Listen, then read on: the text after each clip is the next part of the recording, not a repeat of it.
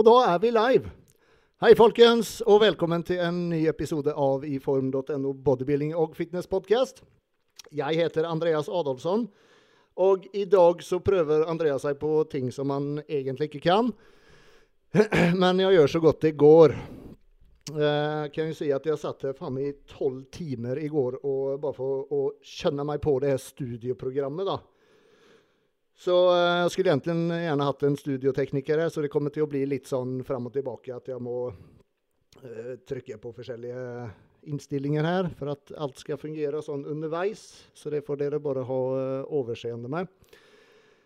Um, så jeg kan si at jeg har vært sånn smånervøs i dag for om det her skal fungere som jeg ønsker at det skal.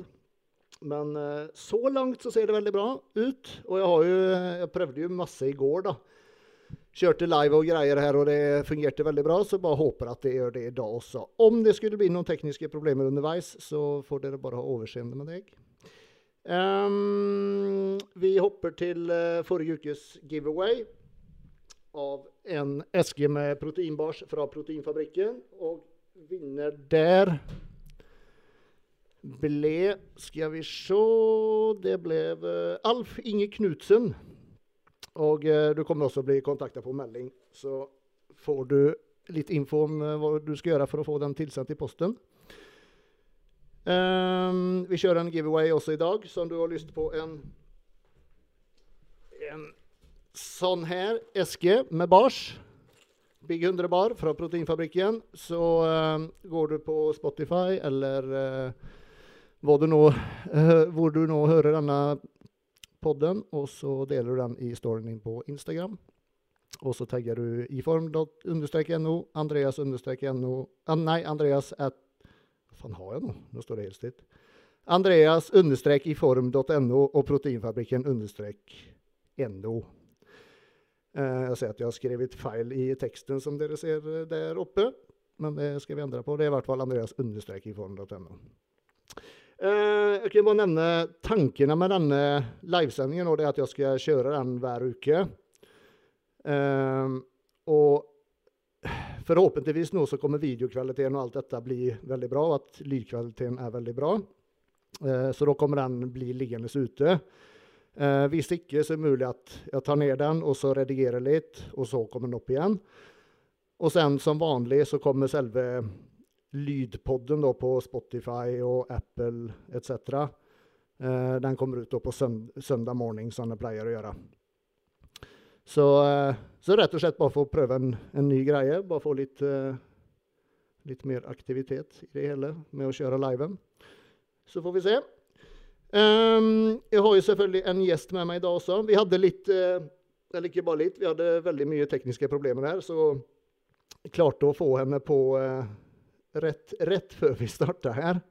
Um, det er litt begrensninger i den programvaren som jeg bruker da, til, til, denne livesendingen. Og, og, så da må man må kjøre en uh, viss webleser. Man må ha Chrome. Uh, og så skal man tydeligvis, eller fant vi ut nå, da, at uh, Mac er ikke helt tingen til dette. Så en vanlig laptop, PC, er tydeligvis det beste. Men vi fikk det til i hvert fall. Så da skal vi se. Da må jeg gjøre Sånn. Og så sier jeg velkommen til eh, Elin Bergstrøm. Hallo. Nå skal vi se, jeg må sette på din lyd også, Komme på. Sånn. Nå. Nå kan folk høre deg. Velkommen. Ja. Tusen takk skal du ha. Du, eh, du rakk å trene litt etter jobb? Ja, ja, ja. Det er veldig viktig å få gjort det rett etter, rett etter jobb. Ja.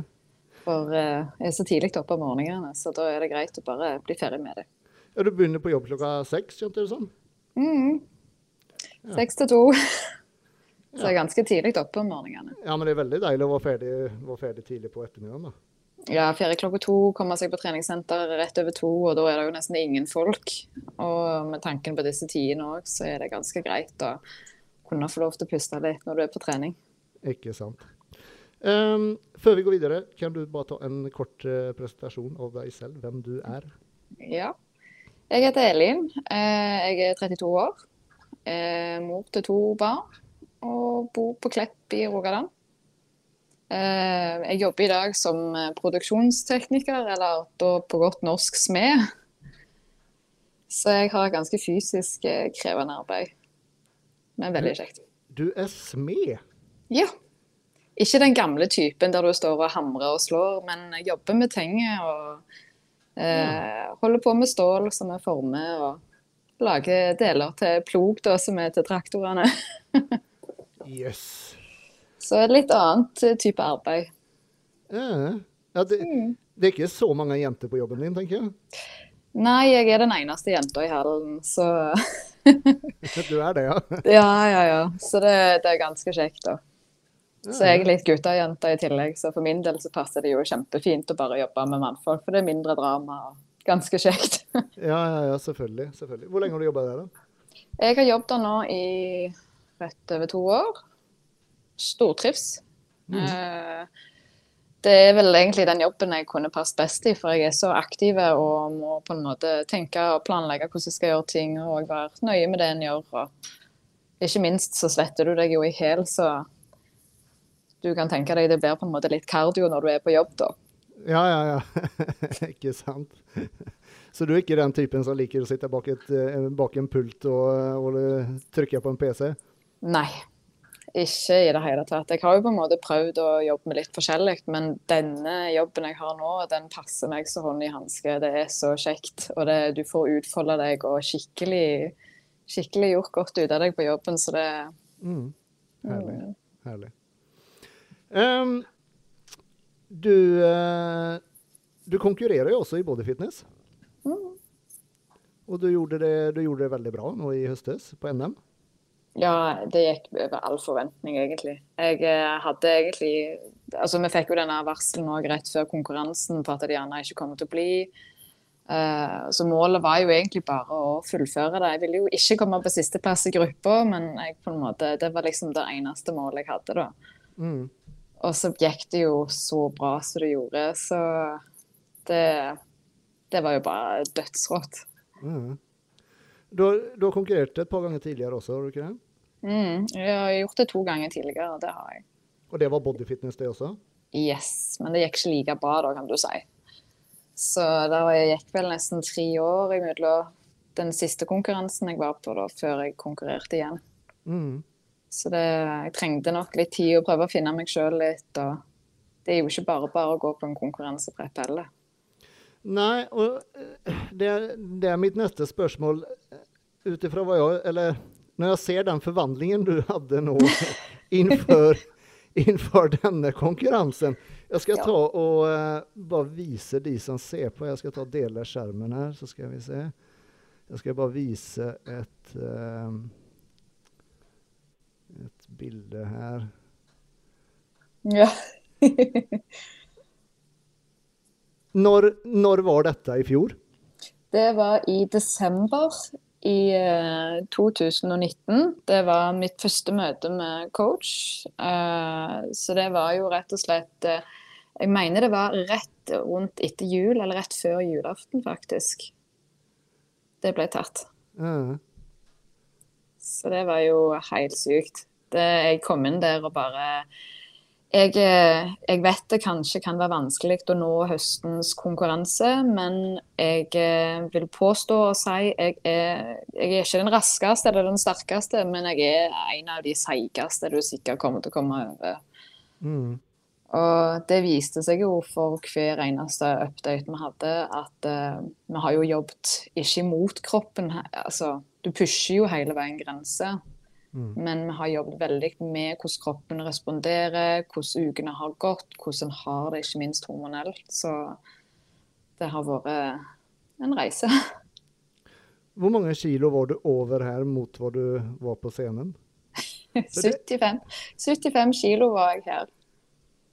Og her er du Eh, 50 kilo.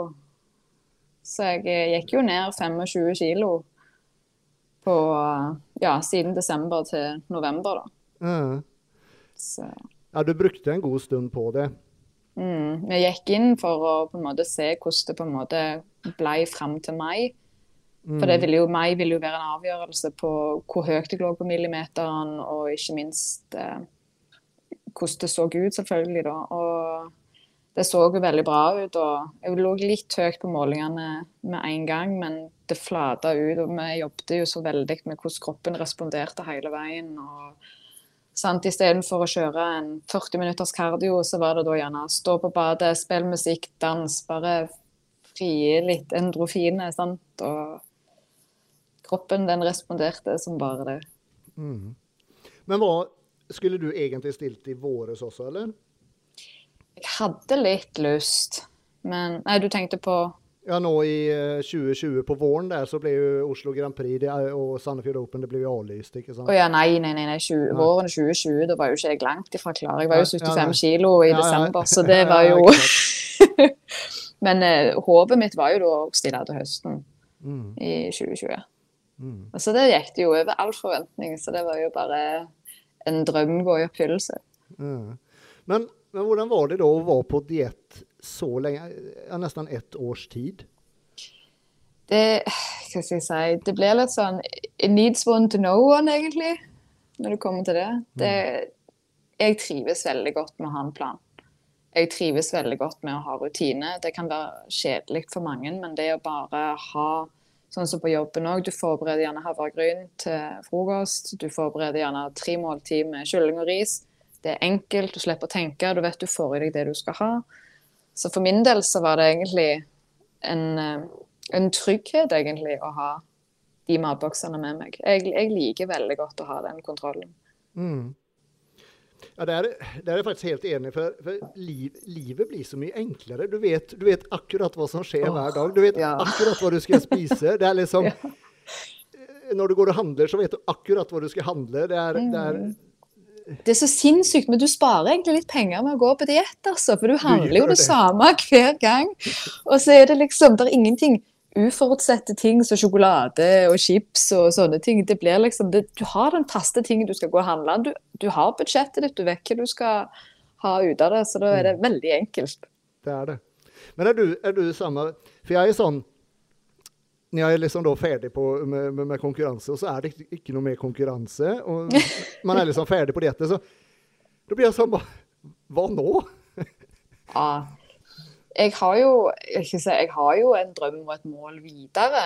Så jeg vet jo òg det. Jeg kan liksom ikke slippe meg helt med å på en måte spise absolutt hva jeg vil. Men sånn, nå har jeg jo den kontrollen med de faste måltidene mine. Så det blir litt sånn Ja, selv om det ikke er noen ting ennå, så er det liksom OK, nå er det jo pusha grenser. Kjør på, kjør tungt, kjør hardt, og så sier jeg gun på. Ja, ikke sant. Så jeg, jeg Nei, det er uvant når kroppen på en måte går opp igjen i vekt, men utenom det så, så trives jeg jo veldig godt med kontrollen. Mm. Men du er ikke oppe på 75 kilo nå, i hvert fall, ser det ut som? Nei. jeg, jeg skal ikke opp der igjen, da. Men jeg har gått opp 12 kilo nå. Ja. ja, men det er sånn sunt. Det er sånn passe. Ja. Og, og, og, og liksom ligge en 10-12 kilo over. Ja. Og det er vel det du føler deg bra også? ja, du begynner liksom å få disse kvinnelige formene igjen, da. Så det, du, du kjenner jo det når du er på, helt på slutten av preppen òg, at det, du har jo ikke rumpa igjen, du har ikke puppe igjen. Altså ingenting på en måte har du igjen. og Mm. det er jo de tingene som kommer ganske raskt tilbake igjen etterpå. Og det, du føler deg jo med en gang mye mer feminin. Og, så det gjør det godt. Mm. Men da med tanke på den, den lange dietten, Mm.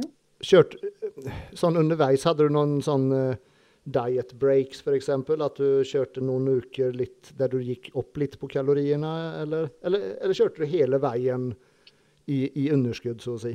Vi har kjørt strikt egentlig hele veien, men vi har jo vi variert dagene, så jeg spiser jo ikke det samme mandag, tirsdag, onsdag, torsdag, fredag, lørdag, søndag.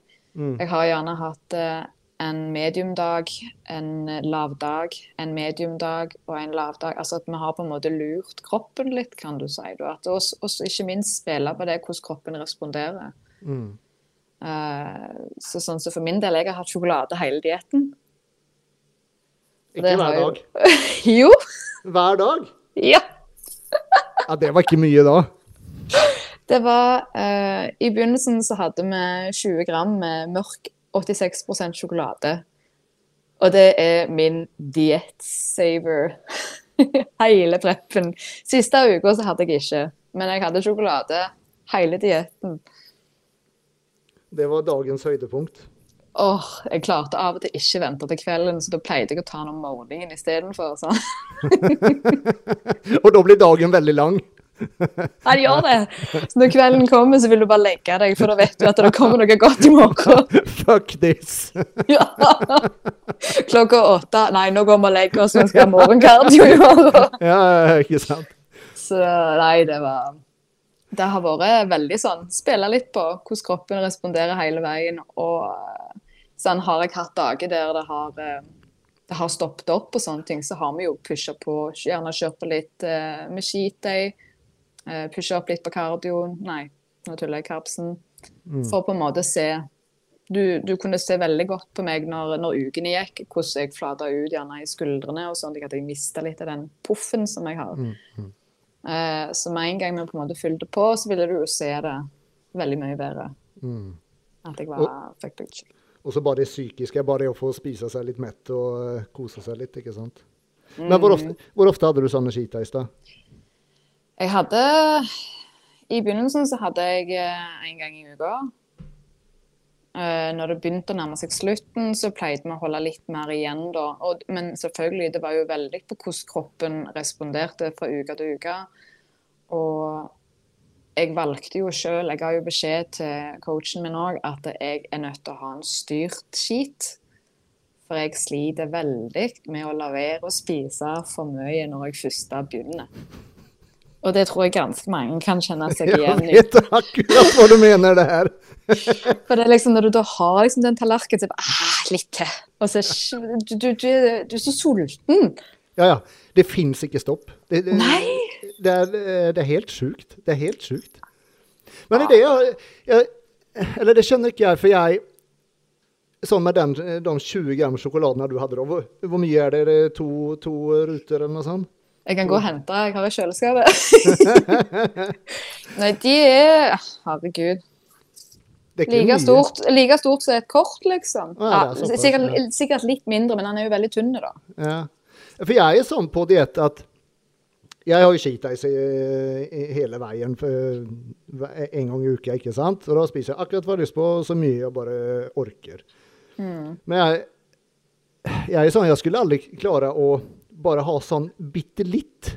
For, for da det er liksom, du, da, eh, som du selv sier, man har jo bare lyst på mer, ikke sant? Gjør Ja. ikke det at det bare blir vanskeligere? Det var gjerne det Altså, jeg har jo alltid slitt med det at jeg, jeg liker jo å spise. En, jeg er jo matmoms, jeg spiser jo mye mat. Jeg elsker jo å spise mat. Men for min del så var det litt den at det, når du har eh, Hva skal jeg si Du har et mål, ikke sant. Du vet at de 20 gram sjokolade, det er kun det du skal ha. Eh, og hvis du Selvfølgelig, det sa jo hun Mette hun som er coachen min òg, at eh, ja, ja, skjer det noe gale, så skjer det noe gale. Altså, Spiser jeg for mye, så gjør jeg det. Nå er det bare stopp den tankegangen, fortsett mot målet. Så det var veldig den at uh, kjør på allikevel, og ikke stress med det. For det hendte jo det at jeg spiste jo mer sjokolade enn det jeg skulle en kveld, sant? eller litt mer poteter, eller litt mer ris, sant? og så var det sånn den sausen så så grævla god ut, sant, at du du gir jo litt etter, ikke sant, men så er det du har et mål, og du brenner for det du gjør, så da du søkker det opp, du gjør det du kan gjøre. Og når du står på scenen og faktisk får den gode plasseringen, da, da, da er det verdt det. Alt, alt er verdt det. Da skulle jeg grene en ekstra gang før jeg gikk opp trappene, liksom. Altså, det har vært skikkelig verdt det. Det har det.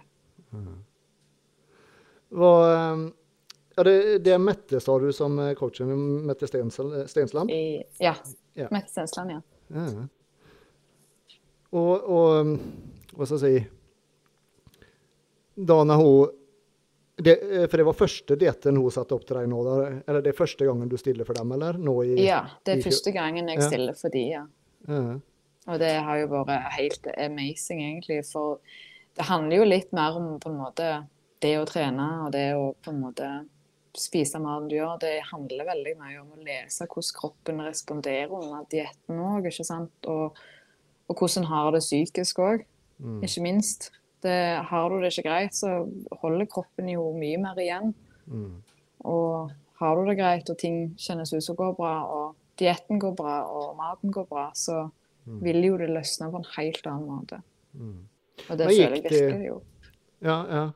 Men gikk det liksom jevnt nedover hele veien, eller hadde du noen ganger det var vel sånn platåer at eh, du måtte dra på litt ekstra? Og det syns Mette òg var ganske sykt, for mitt platå det gikk bare sånn. Ja. Det gikk yes. ned hele veien. Det var akkurat så kroppen min visste hva han skulle for noen ting, og hva han skulle gjøre, og det bare stupte etter flata. Altså, det gikk jo nedover hele veien, og så var det akkurat så det gikk fint ned i en kurve, og så klar mot konkurranse. Mm. Så det, det var liksom ingen stopp i det hele tatt. Hmm. Så det var helt rått. Ja. Men var det stor forskjell på, det, på, på den oppkjøringen nå mot hva du har hatt tidligere på si, måten som diett og sånt var satt opp på treningsmessig og sånne ting? Ja, det var det. Eh, litt annet, hva skal jeg si. Mette og de, de har jo på en måte spesialisert seg over litt mer ting, kan en si, da, enn coach jeg har hatt tidligere. Så det å på en måte bli møtt og sett og forstått med hvordan min kropp reagerer, så la jeg merke til sjøl hvor viktig det var å ha noen som faktisk forsto deg. Mm. Og det er jo ikke noe negativt mot noen andre, men det er litt den der å lese og forstå kropp og gjerne utvikle seg videre. Mm. Og nå, nå videre, da? Ble du, ble du skikkelig gira på å stille igjen, eller? Ja. Å, jeg gjør det. Det, det er sånn, Du går liksom og kikker i speilet vet du, hele veien under preppen på å, nå ser jeg den cutsen, nå ser jeg det skjer. sånn. Så merker jeg jo det nå òg, at å, åh, du ser jo der er ting ennå, men på samme tid at eh, du har jo lyst til å kjøre på ennå, men kroppen har jo godt av å slappe av òg. Jeg eh, kjørte jo, når jeg kjørte første konkurransen min, så stilte jeg jo i høsten 2016. Mm. Og så havna jeg i en veldig sånn, skikkelig deppes periode etterpå, så jeg kjørte meg jo rett på en ny konkurranseprep til våren 2017. Mm. Uh, og det ble altfor mye for kroppen min, i hvert fall. Så jeg kjenner jo det at ja, han har godt av å slappe av, men jeg gleder meg til neste gang. Ja, ja, ja. Var det derfor du gikk opp såpass mye etterpå, eller? Ja, jeg var ikke på en god plass i livet, Nei, for å si det sånn. Nei. Og du, du slipper deg litt på en annen måte. Jeg har jo liksom alltid trent, men jeg slapp nok maten en del og spiste gjerne ikke helt 100% sånn som jeg skulle gjøre. Og det viser jo òg på kroppen at eh, jeg har jo ikke vært på en god plass. Nei, nei, nei, ikke sant. Men, men du trente jo sånn hele veien, eller? mm, Mm. Jeg har jo trent, men jeg pusher gjerne ikke grensene like mye som jeg gjerne gjør nå. Ikke sant? Du har jo noe du jobber med, du har noen ting du er stolt av. Mm. Eh, og ikke minst jeg har team i ryggen som er helt fantastiske. Så det, det, det blir litt mer en, en familie du er å gjøre dette her i lag med. Mm. Så det er jo noe helt annerledes. sant? Mm. Nå var er, eh, har du satt deg noe konkret mål nå, eller at da og da har jeg lyst Eller nå, nå er jeg veldig usikkert. Det er er ingen som vet noen ting når neste konkurranse blir, da.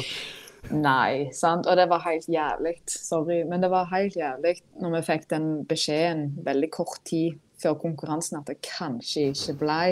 Ja, Det skjønner jeg. Men sant, da er det den der sorgen OK, greit, da kan jeg gjerne spise sjokolade før jeg skal, liksom. sant? Mm. Eh, Men det er en opplevelse å, å gjøre en konkurranse når det er publikum. Det er det. Så jeg har jo lyst til på en måte å kjøre på så fort som mulig igjen, men på samme tid så kjenner jeg jeg orker ikke den usikkerheten som jeg hadde sist. Nå rett før eh, NM nå sendegangen. Mm. Mm. Så jeg vet ikke ennå. Mette sier det er bare å kjøre på. Men jeg, eh, jeg holder litt igjen og prøver å se litt an situasjonen. Nå har jeg jo fram til mai uansett til å, til å se. Mm. Så, så, så, så om du skal stille til høsten, eller om, om du nå skal satse på det, for det blir jo forhåpentligvis NM nå i hvert fall, Ja, da er det i mai du begynner? ja, det blir nok i mai, da. Mm. Men det er ennå uvisst.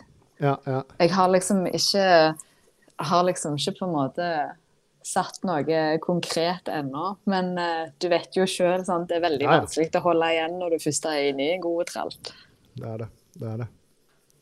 Men just det, just det med en, en god plassering, hvor utrolig mye motivasjon det faktisk gir.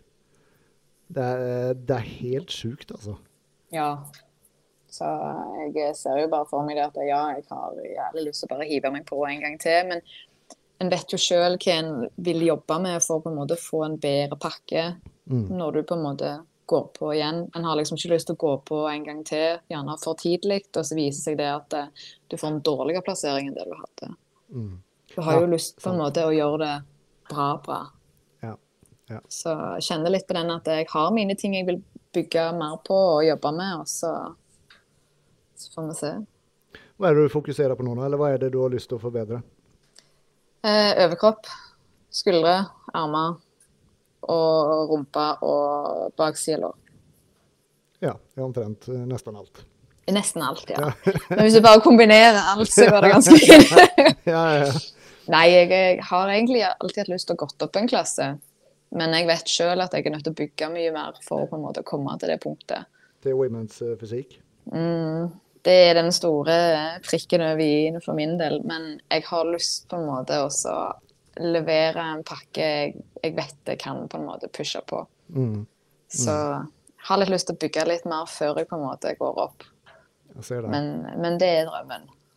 Hva, er, hva er det som lokker der, da? Er det, er det poseringene? Friposeringen? Hva Jeg syns det er en klasse som du på en måte får vist Altså, føler Women's Fysikk har fort fått på en måte stempla til å være på en måte guttejente. mm. Og, og du får på en måte en mulighet til å vise ei feminine side, tenker jeg, til den klassen som egentlig er. Og det, det er det jeg kjenner jeg har veldig lyst til. Jeg liker Jeg har jo, har jo holdt på med dans i, i mange år, så for min del så er det sånn åh, jeg har så lyst til på en måte bare uh, hoppe og sprette, sånn som jeg har gjort før, liksom. Og kjenner det jeg har lyst på en måte å vise ei ei side av meg. Så. Så om vi får se det en gang i Women's Fysikk, så blir det sånn skikkelig kult eh, poserings, eh, friposeringsprogram. Ja, ja, ja, ja, ja. Da skal du se ei lita loppe der, så Duracell-kanin som bare oh! Kult. Sånn, eh, sånn treningsmessig, da, når du begynte med Live, Live Better Nei, jo, Live Mm. Better. Team Live Better. Ja. Ehm, for det er de som hjelper dem å, å sette opp treningsprogram og sånt også, eller? Mm. Ble det noen stor forandring der? Mot hvordan du trente tidligere? Det gjorde egentlig det. Eh, mye mer fokus på Altså, før så har jeg jo alltid bare trent til jeg har blitt sliten. Altså at jeg blir skikkelig trøtt i kroppen, eller jeg kjenner jeg får syke pump, og så er det jo nesten bare å fortsette til du på en måte ikke klarer. Mm. Med, med treningsprogrammet så blir det jo litt mer at du skal jo fokusere på en del andre ting òg, og når du er ferdig, så skal du gå hjem. Så det blir litt mer ryddigere enn sånn som for min del jeg virrer veldig når jeg er på trening. Jeg skal gjøre alt på en gang. Så det har jo på en måte Får litt bedre kontroll på, på selve treninga. Mm. Mm. Har du merket stor forskjell også, eller? På, Ja. på fremgangen, liksom? Ja, den er helt sinnssyk. Jeg trodde det ikke til å begynne med at det skulle gi så mye effekt, men Mm. sant, maten, du blir sterkere, du får bedre kontakt med muskulaturen, ikke minst det å på en måte òg høre på kroppen og ta de pausene når du trenger de. Så det har vært helt fantastisk. Og da fikk vi jo òg eh, fikk jo timeplan mandag til søndag, og lagt opp på mandag skal du trene det. Da skal du ha kardio. På tirsdag skal du gjøre bryst f.eks., eller skuldre. Eh, skal du gjerne ikke ha kardio. At det ble veldig på en måte Mm. satt opp til min hverdag, ikke minst på hvordan jeg jobbet og hvordan mitt liv fungerte. Og da la de veldig godt opp på den måten. Mm. Og jeg som liker jo veldig godt kontroll, så er jo det kjempefantastisk på en måte å ha en sånn struktur på det. Mm. Ja, det Så det, det er virkelig god anbefaling. Mm. Hva, um, og, og hvordan ser, ser, ser selve treningsopplegget ut? Kjører du gjennom kroppen en gang i uke, eller trener du muskelgruppene flere ganger, eller? Det har vært to ganger i uka. Mm. på mer flere muskelgrupper, da, kan du si. Så jeg sier at jeg har kjørt gjerne bein to ganger i uka. Mm. Den ene dagen så er det mer fokus på baksida, mens den andre dagen er det mer fokus på framsida. Men selvfølgelig, du kjører jo komplett gjennom beina dine. Mm. Mm. Og det samme har vært med overkroppen òg, at eh, de dagene jeg gjerne har kjørt skuldre, så er det òg bryst. Mm. Eh, og det er jo òg på en måte òg kjørt flere ganger i uka, da. Og, og, og treningsmessig sånn før konkurranse og nå off-season, så å si, er det noen stor forskjell der, eller? Hvordan du trener? Jeg har jo begynt å kjøre litt mer baseøvelser. Litt på en måte for å jobbe med de tingene som jeg sjøl kjenner litt på svakhetene jeg har sjøl. Mm. Nå venter jeg jo nytt program fra Mette, som kommer om ikke så veldig lenge til. For eh, jeg sjøl kjører jo mye baseøvelser, mye store muskelgrupper, og så har jeg pynteøvelser etterpå, da, som jeg kaller det for. Litt det i pump og trykk. Sånn, jeg kjører benkpressen først, da, og så Mm. kjører jeg gjerne skråbenk, jeg kjører flies, jeg kjører triceps og sånne ting etterpå. Så jeg får på en måte Det er måten jeg har kjørt gjennom det sjøl, da. Mm. Men eh, programmet blir jo som oftest litt annerledes. Men jeg legger litt inn litt ønsker på hva jeg har lyst til, og så lager vi en plan i sammen. Mm. Hva liker du best å trene? Rygg. OK. Mm. Det, er, det er vel en av de kjekkeste tingene jeg trener. Det er rygg. Og favorittøvelse der da? Jeg har jo ikke Jeg har jo aldri klart skikkelig pullups, så jeg har jo alltid holdt på med nedtrekk. Men roing er en av mine kjekkere øvelser. Og da er det sittende roing der du på en måte er framoverlent med kabel. Mm. Og den trekker så enormt godt i latsen, og jeg får så god kontakt eh, bak i ryggen. Så den med litt eh, Bruker det der vanlige skråa grepet, smalt grep, Mm, mm, mm. og så framoverlent. Helt fantastisk øvelse. Så om du fikk velge, så skulle du gjerne kjørt den hver dag? Ja. Ja ikke hver dag, for jeg blir så græla støl. Men jeg, jeg treffer så vanvittig godt på den øvelsen der, så det er en av mine favoritter. Bruker du reimer, eller, når du kjører rygg? Jeg bruker reimer. og så kjøpte jeg meg noen sånne kroker her Ja, for siden. ja, de er siden. fine. De er jævlig fine.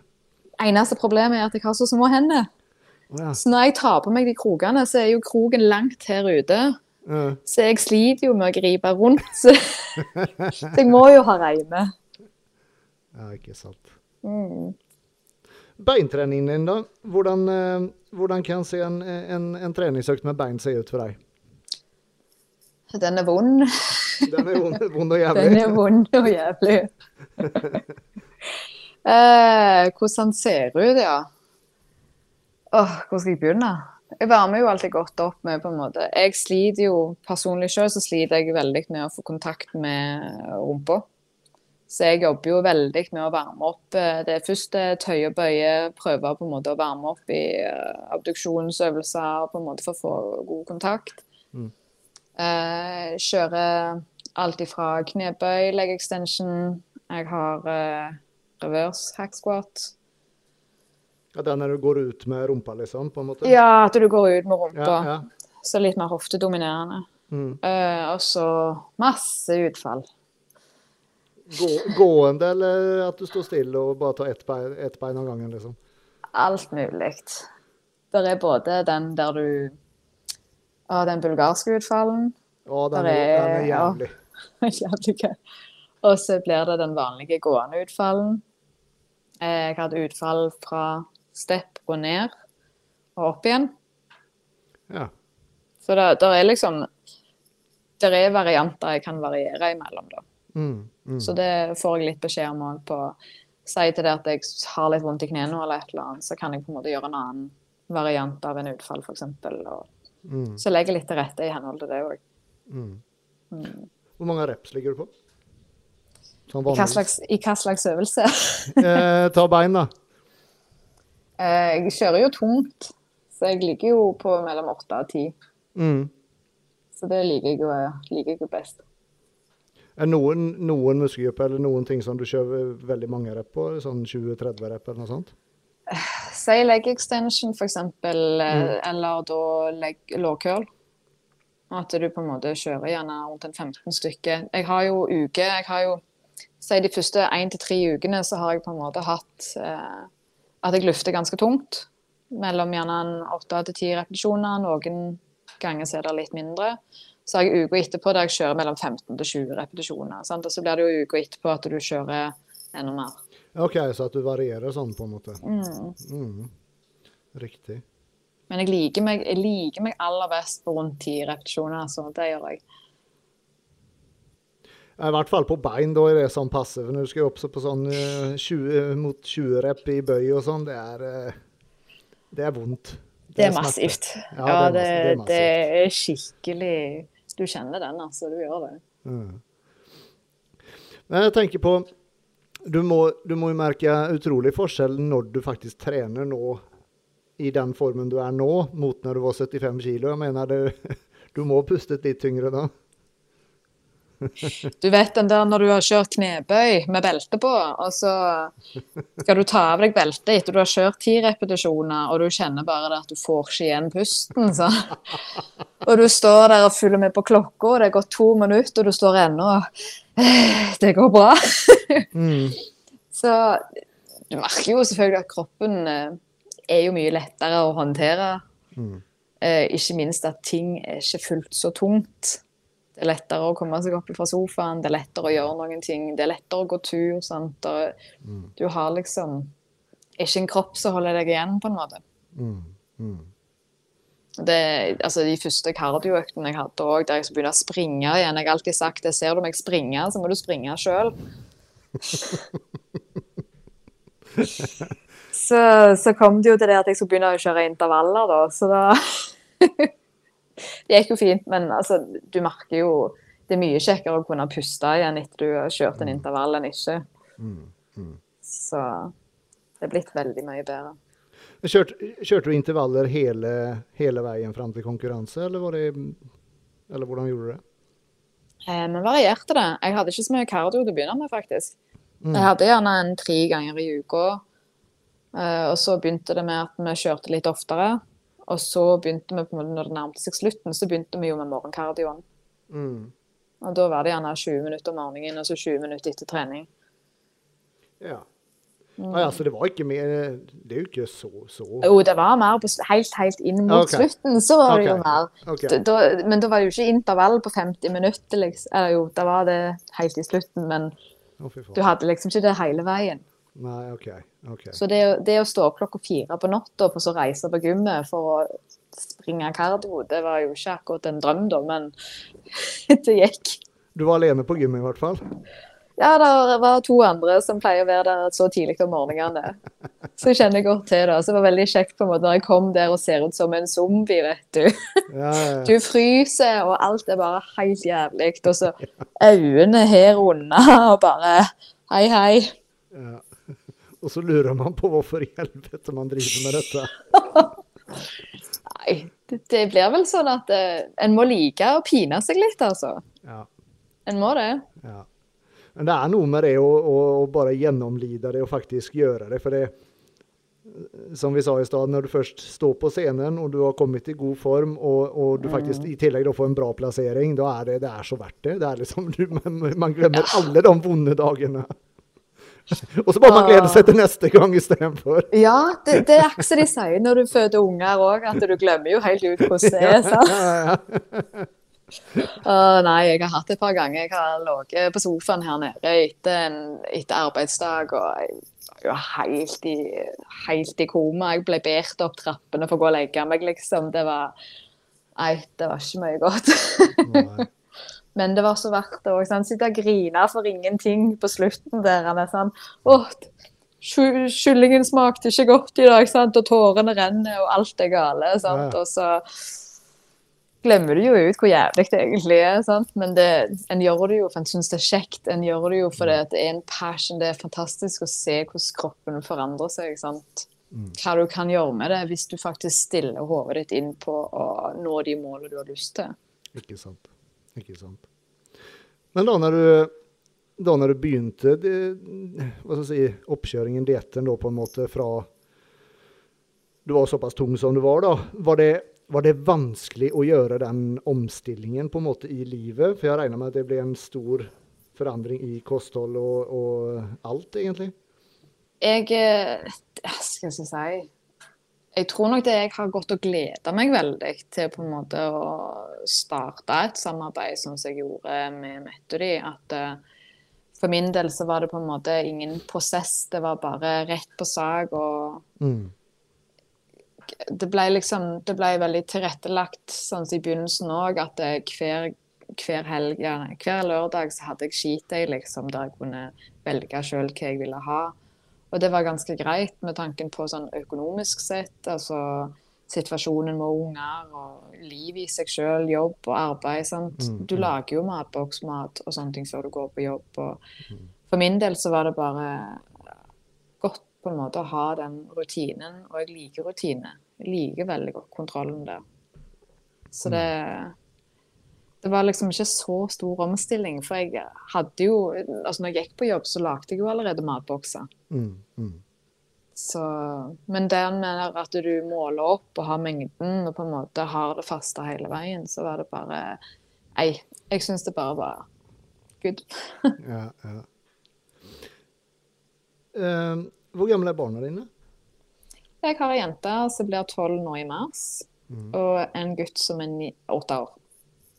Skjønner han hva mamma driver med, da? Ja, det gjør de. Det Jentungen min, altså når jeg blir såpass liten som jeg blir når jeg går på konkurranseprep Jeg er jo ikke, jeg er jo ikke store jenter når jeg er inn mot slutten, så ser det jo ikke så veldig bra ut. Du ser jo syk ut. Sant? Du er jo likbleik, og jeg er ikke den som gjerne går og sminker meg. Jeg er gjerne den som springer rundt i joggebuksa eller treningsbuksa, men det er sånn så de òg, er jo vant med å se at det er kun det jeg springer rundt i. Mm. Men eh, når jeg blir så liten, så, jeg blir, så ble det til det at jeg, fortalte jo om sant, hva jeg gjør for noen ting, og Mm. hvorfor jeg gjør dette. Og nå skal jeg være mamma være med på konkurranse. og Jentungen syntes det var veldig kjekt, for hun lå jo hjemme hun viste det til de andre. og bare, «Å, dette er mamma, altså. Ja, ja, ja. Så, og så har det vært litt sånn fokus på det at eh, vi jobber og prøver å spise sunt hjemme òg, ikke sant? For det at vi skal bli sterke. Mm. Mm.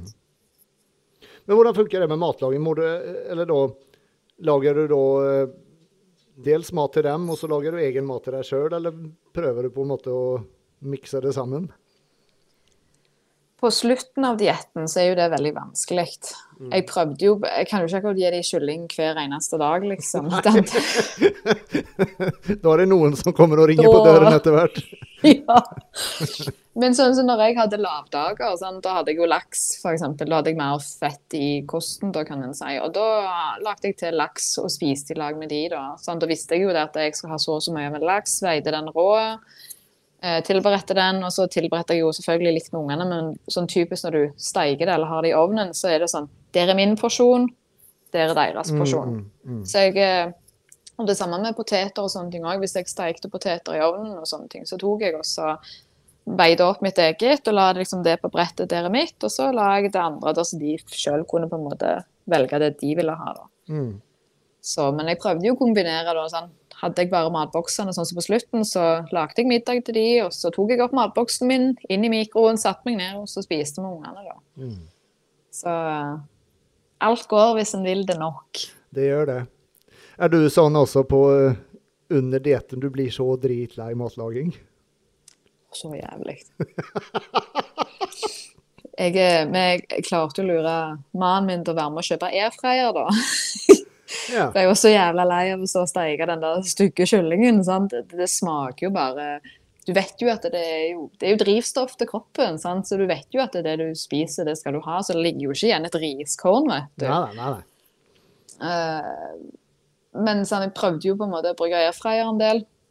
Og da, slapp, da kunne jeg bare ferie oppskåren kylling rett i airfryeren, gå og sette meg, og så bare så var det ferdig. liksom 600 gram med kylling eller et kilogram med kylling. Mm. Så Ja, blir, veldig det, enkelt. blir det bedre smak med den, mener du? Jeg syns det smaker ganske godt. Du, du får litt sånn crunchy kylling. Altså Kyllingbitene blir litt sånn crunchy, da. Å ja. Mhm. Så eh, jeg eh, sverger til det på diettpreppene. Så jeg hadde poteter, heiv det i airfryeren med salt og pepper på, og det smakte så godt. Men alt smaker jo godt på slutten av en Jo, diett. jo, ja, sånn. ja, ja, ikke sant. Til og med brokkoli er jo bare helt nydelig. Å, steikt brokkoli med Ja. salt på. Men, men, men, men den airfryen, hvor får du kjøpt den, eller hvor kjøper du en sånn? Jeg kjøpte min på europris, jeg. Mm. Uh, den kosta vel en 900 kroner. Mm. Eh, den eh, sånn, kyllingen tar ca. 20 minutter i airfryeren. Alt etter hvor mye du har oppi. da. Hvis Mm. jeg har veldig mye oppi, jeg har jo vanligvis ca. et kilo oppi jeg når jeg steiker. Uh, og Da er han jo oppskåren, da går jeg borti og så rører jeg et par ganger igjen, bare sånn at alt blir på en måte steikt. Mm. Uh, men jeg kjøpte den typen som er XL, veldig stor. da. Mm.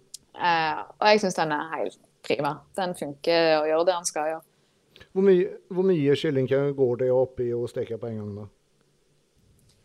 Uh, nå pleide jo jeg alltid å ta Jeg veide opp dagene mine. Så hvis jeg har Si jeg hadde 360 gram med kylling til dagen, så tok jeg gjerne 720 gram. For da hadde jeg seks porsjoner med en gang når jeg var ferdig med den. Mm, Så mm. når du da hiver inni seks porsjoner gjerne to-tre ganger, så bare porsjonerer du det med en gang. Hiver det i poser, hiver det i frysen, så var det egentlig ganske veldig enkelt. Mm. Skulle jeg på jobb, så tok jeg det bare opp ifra en pose, heiv det i matboksen. Kokte ris, det gjorde jeg jo eh, hver dag, eller gjerne for én eller to dager. Jeg liker helst ferske ris. Eh, eller poteter. De kunne jeg jo hive i frysen. Mm. Så Og de potetene kjørte du også i den eh, airfryeren? oh yes. Ja. Faen, kanskje skulle prøvd en sånn. Jeg har hørt mange som sier det, som er veldig fornøyd med det. Ja, altså, jeg må si det, det jeg var ganske overraska sjøl hvor godt det var. Jeg prøvde den faktisk inne hos mor mi første gangen. Ja. Og da eh, Jeg brukte faktisk eh, Proteinfabrikken sin eh, sånn spray du bruker. Ja, ja. ja. Mm. -hmm. Så jeg sprayde bare bånden med den, og så heiv jeg oppi, og så tok jeg jo på poteter og sånne ting da, og så prøvde jeg jo, og jeg bare Holy shit, det var jo så godt. Så du trenger ikke alltid bruke stekeovn. Nei, nei. Og det blir nei. mye mer crunchy. Ikke sant. Men er det vanskelig å gjøre, eller mye å, å, å gjøre rent etterpå? Sånn når man er ferdig, på en måte? Er det, er det sånn knotete? Hvis du steiker kyllingen oppi, så vil du altså For det som er at det er jo, er jo egentlig på en måte et nett du legger alt oppi. Mm. Så har du på en måte et hulrom under. Mm. Og når du tar kyllingen oppi, så vil jo da dryppe fett eller væske fra kyllingen ned der, da. Så det, det blir litt grumsete. Men det er veldig enkelt å gjøre rent. Ja. Det nettet er det litt verre med, for det må du stå gjerne og gnikke og gnure på. Men sånn som for min del, når jeg har kjørt altså en stor prepp, da, kan du si, Mm. og lagt opp veldig mye, så er det jo Da må du hele veien rengjøre litt. Ja, ja, ja, ikke sant. Men totalt verdt det. Du kan liksom sette det på, sette deg på sykkelen og trå kardioen mens du på en måte holder på med matlaging, så det funker ganske greit. Mm, mm. Nå, nå, eh, nå som eh, Eller nå off-season, så å si, da. Følger du noen matplan nå også? Eller spiser du bare litt sånn på følelse?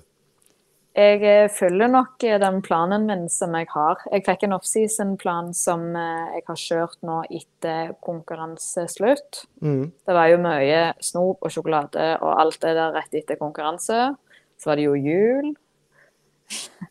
Men i bunnen av alt så har jeg på en måte alltid hatt frokosten min med havregryn. Jeg har alltid hatt de tre matboksene med meg på jobb, med kylling og ris som jeg har målt opp. Når jeg kommer hjem, så spiser jeg gjerne med ungene. Når de har, eh, når de har uka hjemme hos oss, da. Så blir det det at vi spiser middagen i sammen. Jeg går på trening, tar meg en shake etterpå, riskake, og så blir det jo da kveldsen. Så det, jeg følger egentlig planen sånn ca. 80-20, og det er jo det meg og Mette har snakket om òg, at eh, jeg har fulgt strikt plan så lenge, så jeg må slippe meg litt òg. Så for eksempel den, den middagen da med familien, der spiser du det samme som de gjør? Du, du Ja. veier og måler ikke noe der? Nei, men jeg har, du vet jo sjøl at du har jo litt øye for ca. så mye. Sånn. jeg vil ikke bare spise suppe, liksom. Da, da vet jeg det at da, jeg må jo ha proteinene mine. Ja. Sånn. Blir litt sånn skada. Yes. Hvor mange gram protein er det der nå, da? Ikke sant? Eller bare Jeg tror det er litt lite, men må ha en shake i tilfelle. Ta, nettopp. Spiser heller litt for mye enn litt for lite. ja, ja. ja, ja.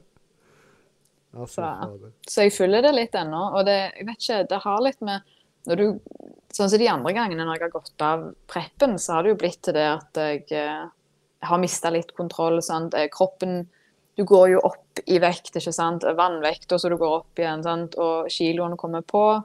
Så føler du deg jo fort veldig ukomfortabel med hvordan kroppen legger på seg. Det er jo en prosess i seg sjøl, det, når du er ferdig.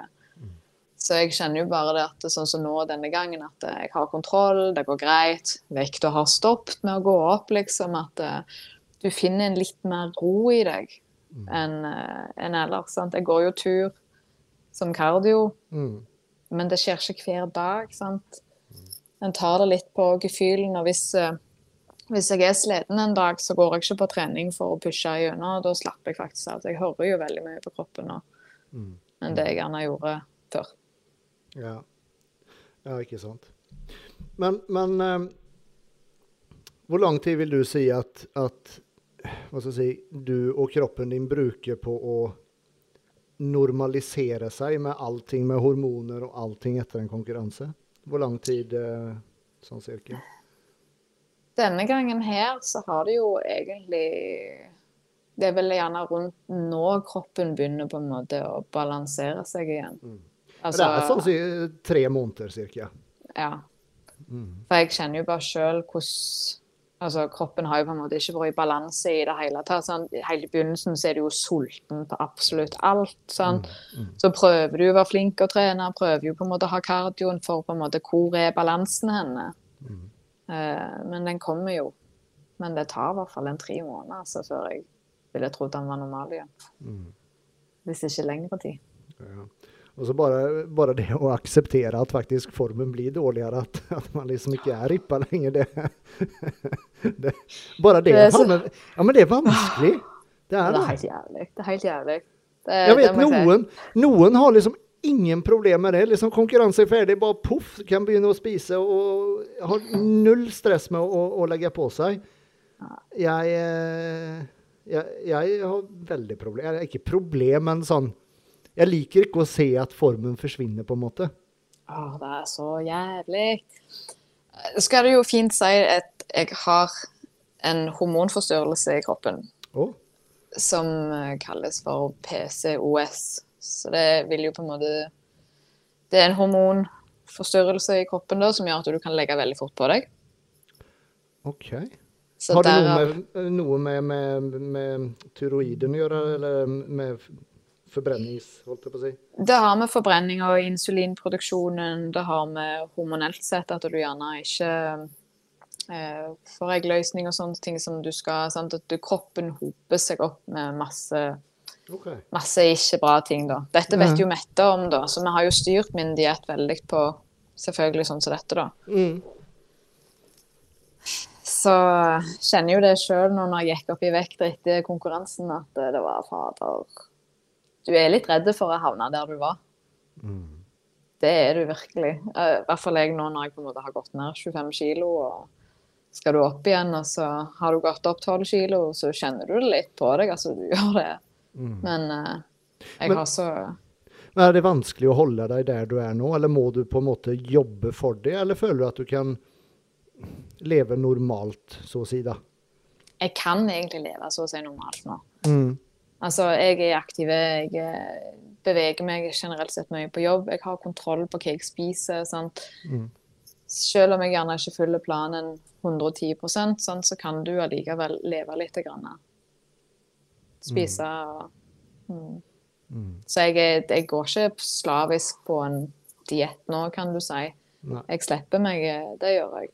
Men jeg kjenner òg det at jeg har kontroll. Jeg sjekker jo jevnlig at kroppen på en måte ikke går for mye. Og det gjør jeg. Mm, mm, mm. Men prøver du på, på en måte nå som du da også prøver å eh, legge på deg muskler, da. prøver du å gå litt opp i vekt hele tiden, eller, eller holder du deg stabilt nå, på en måte? Jeg holder meg veldig stabilt nå. Mm. Det gjør jeg. Oi. nå har jeg jo ikke gått opp noen ting nå på siden jeg var oppe på update hos Mette sist nå i januar. Så Mm. nå er på en måte kroppen stoppet opp, liksom. Mm. Mm. Så det kjennes veldig betryggende ut sånn at han har stoppet opp. Men så Ja, blir det litt den OK, er det gains og minus forsvinner, eller hva er det som skjer nå? Ja, ja, Hvor mye skal du tillate deg sjøl liksom, i å, Mm. å gå oppover? og- Hvordan er det oppe hos dere? Har, for du bor i Stavanger? Ja. ja. Har Eller Rogaland, Klepp. Ja, ja, På. Jæren. Rundt, rundt Stavanger i hvert fall. Ja. Men har treningssentrene vært stengt der nå, eller åssen er det? I Stavanger og Sandnes så var det stengt. Men ute der som jeg trener på Bryne, så har det ikke vært stengt. Heldigvis for det. I det hele Men- tatt? Ja, det var stengt under, under koronatida, så var det jo stengt i mars. Det stengte jo ned hele Ja. alt Men ikke nå i, i, i november, da når alt stengte her i Oslo og sånn? Nei? Å, fy faen, det er så deilig. Så jeg var ganske heldig med det. Mhm. Og det merka jeg bare under preppen òg, at uh, når det stengte ned, at uh, hvor jævlig det var å trene hjemme. Men igjen, sånn, du gjør jo det du kan for å nå der du vil. Vil du det hardt nok, så, så søkker du det opp og gjør den treninga du skal gjøre, uansett hvor jævla knotete du føler det hjemme. Mm Så- Var det trening med strikk og sånn da, eller? Jepp. Men jeg var, jeg var så heldig Jeg var så heldig at rett før dette koronagreiene brøt ut, så hadde jeg bestemt meg for at jeg skulle kjøpe meg kettlebells som jeg skulle ha hjemme da. Ja. Sånn at eh, hvis vi reiste på hytta og sånne ting, så kunne jeg kjøre ei treningsøkt der uten at jeg var nødt til å reise land og strand for, for å få trent. Mm. Så eh, jeg hadde de tre da fra 8, 12 og 16 kilo da. Så det fungerte veldig greit med å kjøre treninger der du får kontakt og selvfølgelig, og ja, ikke, ikke minst kjenne at du får gjort øvelser. Mm. Men du må jo bruke fantasien, vet du. Ja, ja, ja, selvfølgelig. Men, men sånn da under preppen, var det hva skal si, var det, Mista du på en måte treningsmotivasjon og sånt når du måtte gjøre det hjemme og ikke hadde egentlig det utstyret som du trengte og sånn, eller? Jeg syns det var mer grusomt egentlig at eh, jeg, jeg tok jo ned alle persiennene når jeg skulle trene. Jeg ville jo ikke ha noe innsyn. sant? Så jeg jakte jo ungene ut. Nå skal dere ut, for nå skal mamma trene. Sant? For de ville jo selvfølgelig være med og trene. Og, og da blir det sånn kjempeforstyrrende. Nei, det går ikke. Så jeg sendte de ut. Jeg lukte ned alt av persienner. Jeg låste dørene og skrudde musikken på bånn fyring bare for å få det gjort. Eh, det var jo ikke lett. sant? Du utsatte det jo gjerne, og utsatte det og utsatte det. Mm, mm. Til kvelden kom, da, så var du jo bare nødt til å få det gjort. Uh, men det er jo litt den der Vil du, få, vil du nå noen ting, så må Ja, du ja, ja. faktisk eh, Du må bare bite i tennene sammen og så gjøre det. Mm. Så hardt var det, men uh, vi fikk jo veiledning da av coach òg. Disse øvelsene her kan du gjøre med egen kroppsvekt, f.eks. Mm. Uh, strikkende, hva øvelser du kunne gjøre. Og det var jo egentlig ganske magisk å bare ha den støtten rundt den situasjonen der òg. Altså hvordan det ble lagt opp. Ja, det det skjønner jeg. Men følte du at, på en måte at du fikk trent ordentlig? Eller sånn Jeg har prøvd med strikk noen ganger, og det er liksom bare fuck this. Ja, men du er mann òg, sant. Du, du er vant med å ha mye mer vekt, ikke sant. Vi som er damer, vi er jo på en måte Trenger gjerne mindre vekt på en måte for å oppnå en god trening. Selvfølgelig, det er jo ikke det samme å så kjøre nedtrekk med strikk, liksom. Altså Det går ikke. Men da blir det jo roing med kettlebell. Sant? Det blir jo alle disse syke, rare øvelsene du kan Mm, finne mm. på bare for på en måte få trent skikkelig. Men sånn, markløft fikk jeg jo ikke gjort på flere uker, flere måneder før de åpna igjen. Sånn. Eh, Og knebøy fikk jeg jo heller ikke gjort. Så jeg fikk jo brukt kettlebellsen til, til global squat istedenfor. Eller jeg kan jo kjøre knebøy med å ha de på sidene. Mm, mm, Men sånn, du må jo hele veien planlegge, da. mm, mm. Så Ja, det blir litt mer styr. Du var i hvert fall glad den dagen treningssentrene åpna, tenker jeg. Å, herregud. Det var helt fantastisk. Men søren, dere er heldige nå som alt har vært åpent og hele veien nå, nå, nå i ettertid, på en måte. ja. Men Her har jo du så vidt begynt å åpne opp nå. Da. Jeg bor jo i Drammen, og her åpna opp i, i går eller i forrige år eller noe sånt. ja. Så, um, men så er det lov bare å Vi har jo dratt til na nabokommunen og trent. Da, liksom, 20 Men fikk dere, lov å, fikk dere lov å komme inn, da? Ja, vi fikk det der. Og, og, og um, politiet hadde faktisk vært der på kontroll, og de hadde ikke sagt noen ting, så Jeg vet ikke. Jeg, jeg føler litt de her reglene er litt sånn Litt sånn at de uh, Ja. Det er Ja, litt sånn de er- forskjellig her og der. Ja. Jeg fikk huske ute på gym hos meg, så var det veldig den at uh, vi hadde ikke lov å ha med oss uh, gjester, eller vi hadde Mm. ikke lov å ha med oss noen andre enn de som trente der. Og det var ikke lov å ha drop-in, og det var ikke lov å kjøpe en én måneds tilbud i den tida. Nei, ikke sant. Så det var, har vært veldig strengt. Og det ser jeg jo bare sånn som når de åpna igjen på gymmet på Sandnes òg, at det, det er jo andre fra andre kommuner som har kommet, men de har på en måte ikke blitt sluppet inn hvis ikke du har kort. da. Mm, mm. Men må dere ha noe sånn munnbind eller noe sånt på trening? Nei. nei. Nei.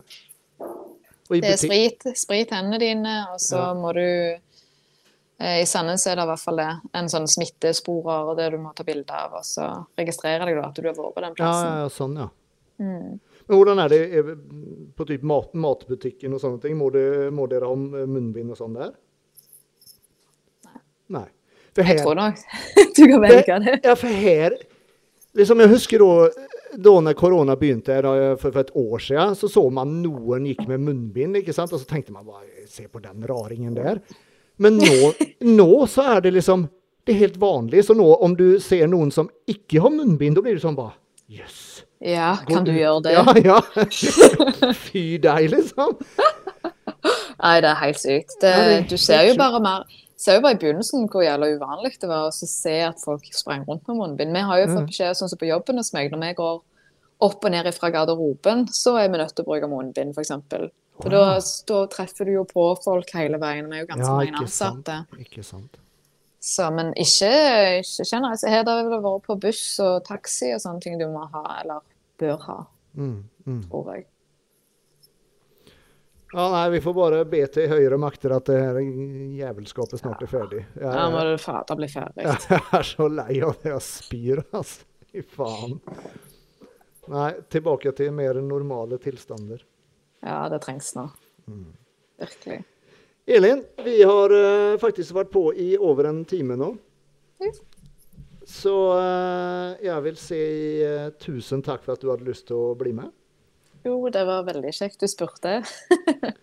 jeg satte pris på det. Ja, så gøy. Kjempegøy. Um, og vi fikk det jo faktisk til å fungere òg, så nå er jeg veldig spent på å se hvordan det ser ut i, i ettertid. Ja, jeg har ikke sett meg sjøl hele sendingen, så jeg begynner jo å lure på hvordan dette ser ut. Ja, det har sett, det har sett veldig bra ut. Absolutt. Du får se Faen, nå ringer telefonen her. Helvete. Ja, jeg skal bare slå av den. Det var broren min. Ja, ja, ja. Så eh, Nei, som sagt, du får gå på YouTube. Eh, Den kommer ikke være synlig nå direkte, men den, eh, kom, den kommer ut litt senere. Selve Ja. Så, eh, men som sagt, tusen takk. Og så får du eh, fortsette å eh, forbedre dine svakheter. Og så gleder jeg meg til å se deg på scenen igjen. ja, det kommer vi ikke så lenge til. Herlig. Ha en fin helg. Vi likeså. Ha Ha det det, ha det godt.